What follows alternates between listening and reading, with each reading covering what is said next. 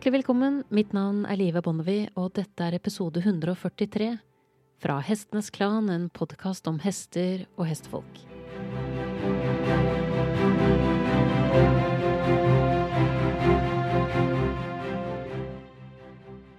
For en interessant uke det har vært. Jeg annonserte jo i forrige episode at jeg hadde behov for å få kontakt med lyttere, eh, og oppfordret da folk til å melde seg på min hjemmeside. Eh, og har fått veldig mye god respons, og ikke minst fått muligheten til å sette meg ned og snakke med noen av dere som hører på denne podkasten. Denne uka her så er det tre år siden jeg produserte den første episoden, og det har vært tre veldig lærerike år. Men i løpet av disse tre årene så har jeg jo egentlig mest sittet og tittet inn i en mikrofon, eh, og ikke egentlig visst hvem det er jeg snakker til. Jeg har ikke visst hvem du er. Og det har vært veldig interessant da å, som jeg ba om i den forrige episoden, oppfordre folk til å ta kontakt i forhold til å være med på en spørreundersøkelse, hvor jeg da har kunnet intervjue folk med bilde, og blitt litt kjent med hvem er det som hører på denne podkasten. Og det har vært utrolig spennende å møte folk som driver med veldig ulike former for håndtering og ridning, og som har sine preferanser og ikke minst sine tips å komme med i forhold til hvordan denne podkasten kan bli bedre. Så jeg går inn i denne jubileumsuka med en både en optimisme og en skikkelig god følelse av å ja, være klar for tre nye år, år, hvis man kan si det sånn. Det har, vært, det har vært rett og slett veldig inspirerende å få ansikter til de lytterne. Jeg, jeg, kan jo lett se på statistikken ganske mye, egentlig, uh, om, om, deg som lytter til denne podkasten. Hvem, hvem, dere er, og når dere hører på podkasten, og hvilke episoder dere foretrekker. Og, så det, det, er veldig mye som kan avleses av statistikk. Men mennesker kan ikke avleses av statistikk. Så det har vært utrolig kult å ha gjennomført de første, den første runden med intervjuer. Og så har jeg jo da var litt ambisiøs og tenkte at jeg får gjort dette unna i løpet av april. Jeg føler også at jeg har ikke noe lyst til å ha det noe travelt når jeg jobber med de tingene her. Så jeg kommer til å fortsette å uh, intervjue litt ut i mai, i hvert fall. Og jeg er egentlig fortsatt på jakt etter uh, Fortsatt på jakt etter noen flere respondenter. Jeg har veldig mange som har meldt seg, men jeg har ikke så mange som er uh, under 29. Så der, hvis du er under 29 og, og kunne tenke deg å ta en prat, så finner du informasjon om dette på www.hestenesklan.no. Der står det en Q&A oppe i høyre hjørne på menyen som man kan klikke seg inn på. Der går det an å fylle ut et skjema. Så hvis du er en av dem som Og der kan man også sånn sett melde seg på i forhold til interesse for Q&A senere. For jeg kommer, som jeg har nevnt tidligere, til å prøve å ha en sånn Q&A med faste mellomrom. Sånn at det er mulig for uh, ja, rett og slett å ha mer en dialog da, istedenfor denne berømte monologen som jeg holdt på med i tre år. Det er noe med å, noe med å treffe, treffe deg, rett og slett. Litt av tanken bak den Q&A-en, det er jo, som jeg har sagt tidligere, at det er mulig å få svart litt på noen av de spørsmålene som jeg får. For jeg får ganske mye spørsmål på mail, og det er ikke alltid jeg rekker å svare på dem. Og så kan det ofte være enklere å svare på spørsmål når det går an å stille noen oppfølgingsspørsmål. Fra min side også. Eh, og så tenkte jeg at jeg skulle eh, rett og slett også benytte sjansen til å svare på et av de første spørsmålene allerede i dagens episode. For det er et spørsmål som eh, er litt sånn gjennomgående, som jeg har fått fra mange i løpet av de tre årene som jeg har eh, drevet denne podkasten. Og det spørsmålet er hva gjør man når hesten har det travelt. Så når hesten går over takt og, og girer seg opp og stresser og ikke finner roen i steget sitt.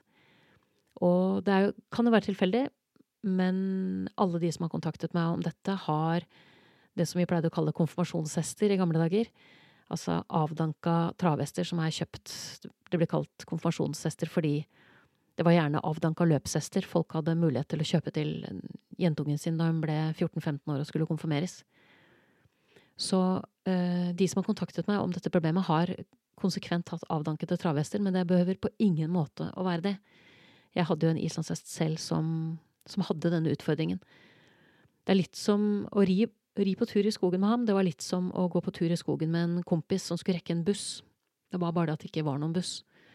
Og det ble en ganske sånn slitsom tur.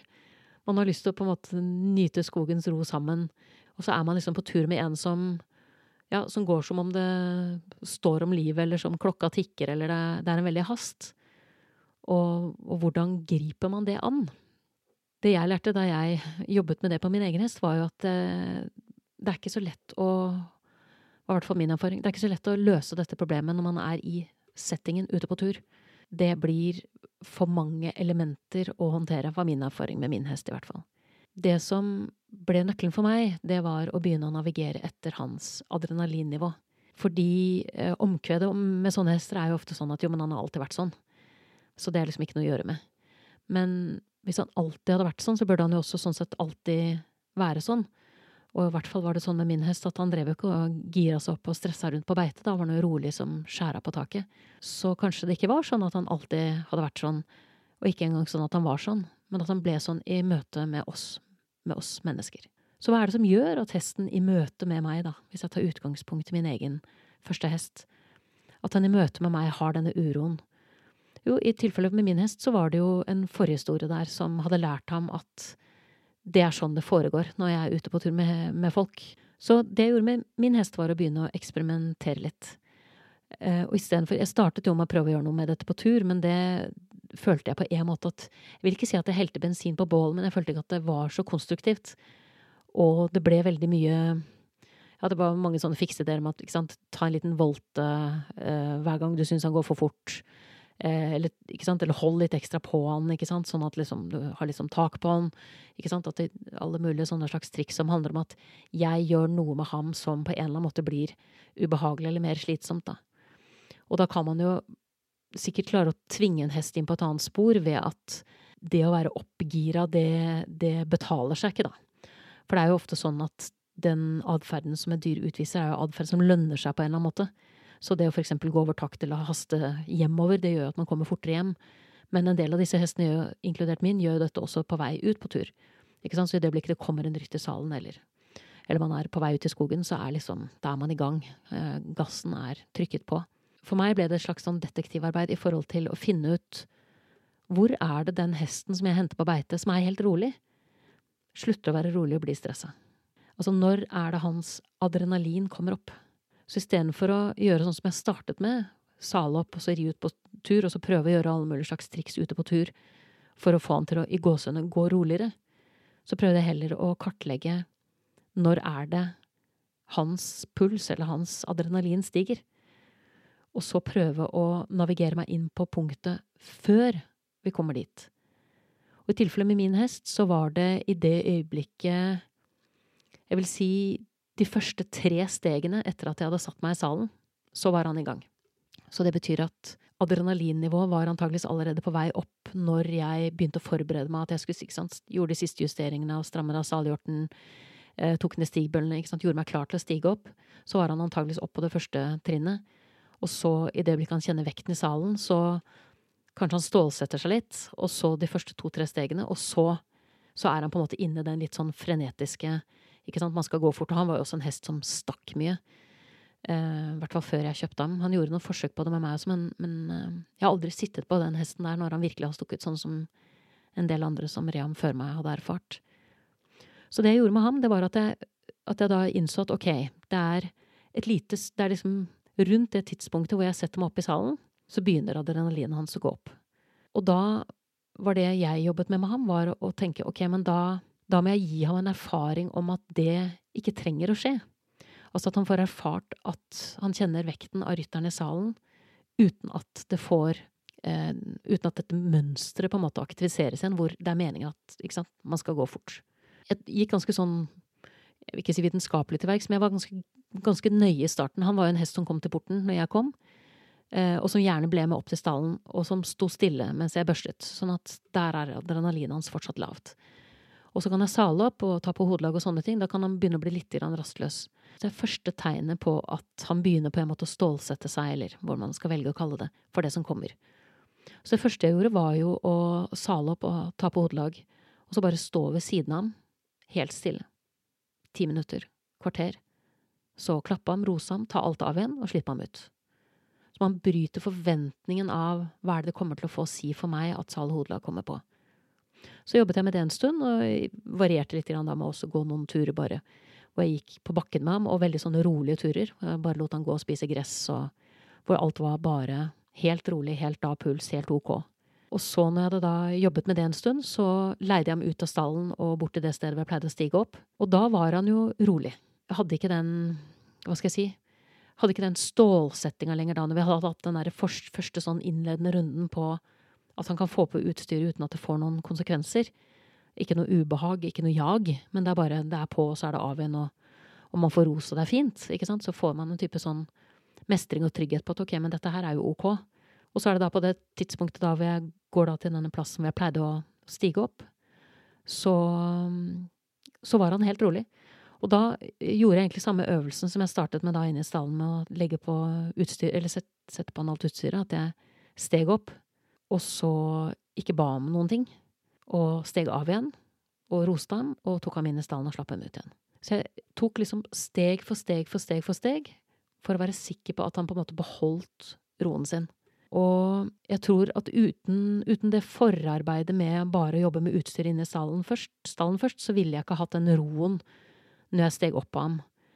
Eh, og hvis jeg hadde merket at, at han fikk adrenalin da, og da er det jo, det er jo litt av dette som er utfordringen, det er at det krever jo en, et oppmerksomt blikk å se når den, eller kjenne, eller se når adrenalin hos hesten stiger. Fordi at veldig ofte så har jo vår trening av dem lært dem til å legge lokk på ting. Og det er derfor jeg egentlig er veldig negativ til hva skal jeg si, å gjøre det slitsomt for hesten å være stressa på tur. Ved å ta masse små volter når han er gira, og gjør det på en måte slitsomt for ham, og så får han kanskje noen rolige steg videre, og så stresser han seg opp igjen, og så drar man ham på en måte nye varv rundt i en sånn liten, liten sirkel.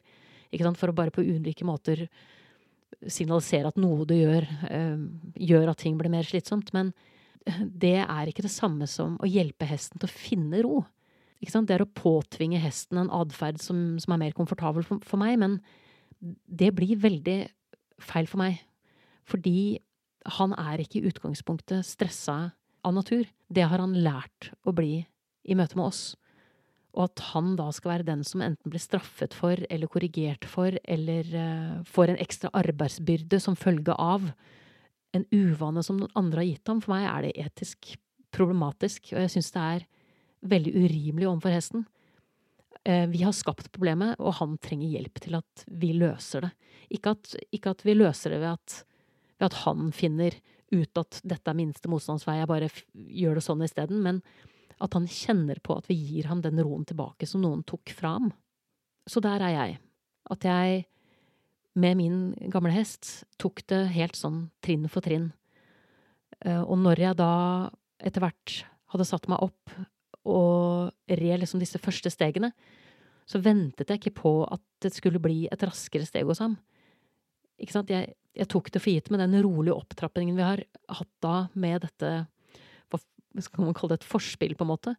Ikke sant? At, at han over tid har fått muligheten til å erfare noe annet så var jeg ekstremt påpasselig da jeg ba ham gå fremover første gangen etter at jeg hadde begynt denne prosessen, at jeg visste at jeg hadde ikke så mange stegene før han kunne risikere å falle tilbake i et gammelt mønster. Så jeg tror ikke, jeg tror kanskje ikke at han tok mer enn to steg før jeg eh, satte meg rolig ned i salen, tok kontakt med han med setet, så han skjønte at han skulle gjøre holdt, og så roste han masse og steg av igjen og slapp ham ut på beite. Sånn at hans forventning til hva det ville si å være på tur med meg, gradvis ble endret.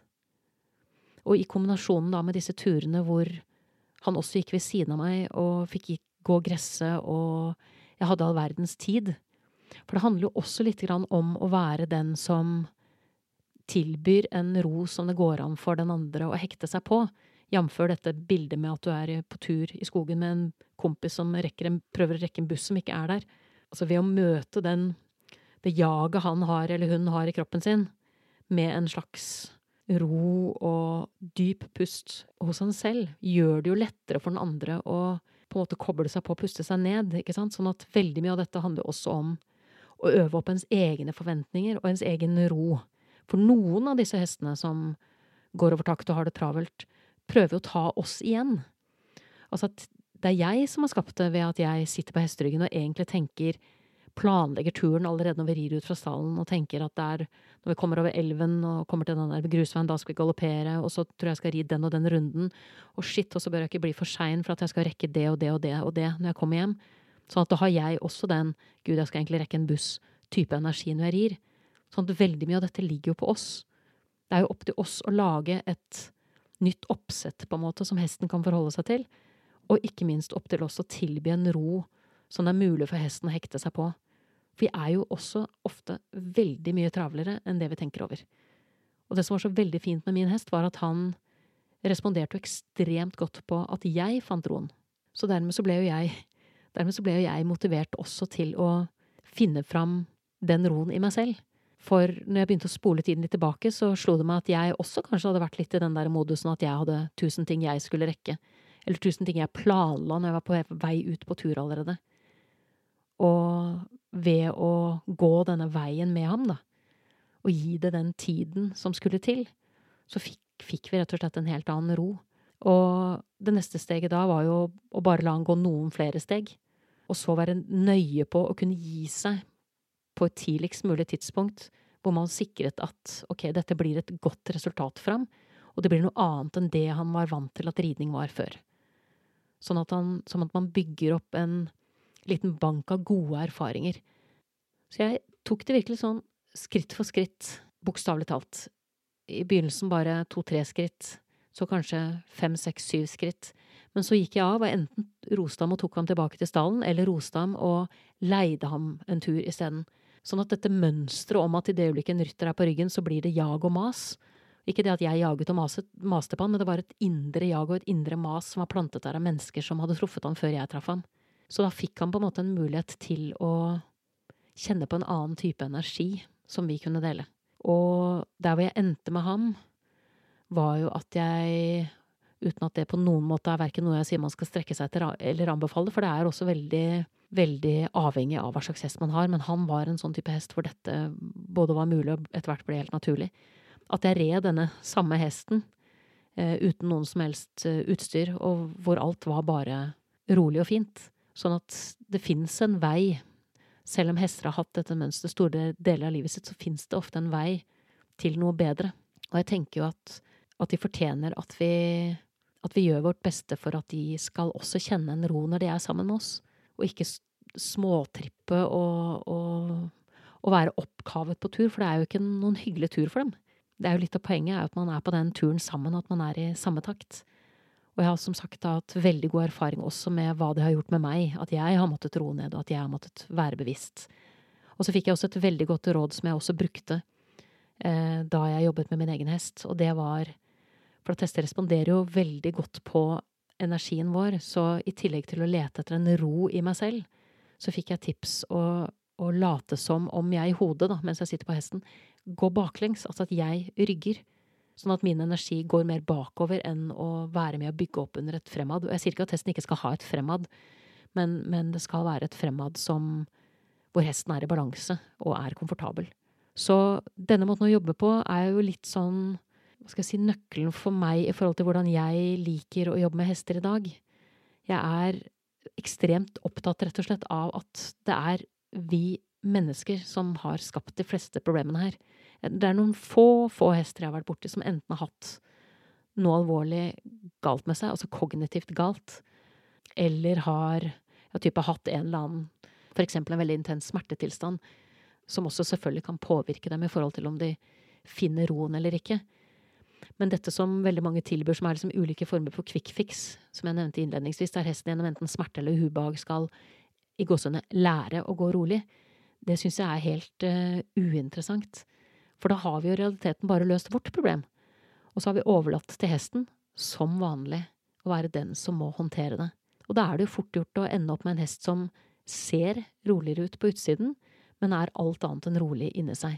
Og jeg tenker at vi skylder dem å være de som tar ansvaret for å løse dette, og at ikke vi legger alt tilbake over på dem. Du har nettopp hørt episode 143 fra Hestenes Klan, en podkast om hester og hestefolk. Takk til min faste komponist Fredrik Blom, og takk til alle dere som har stilt opp på intervju i uka som gikk, og sist, men ikke minst, takk til deg, kjære lytter, for tålmodigheten. Måtte hesten for alltid være med deg.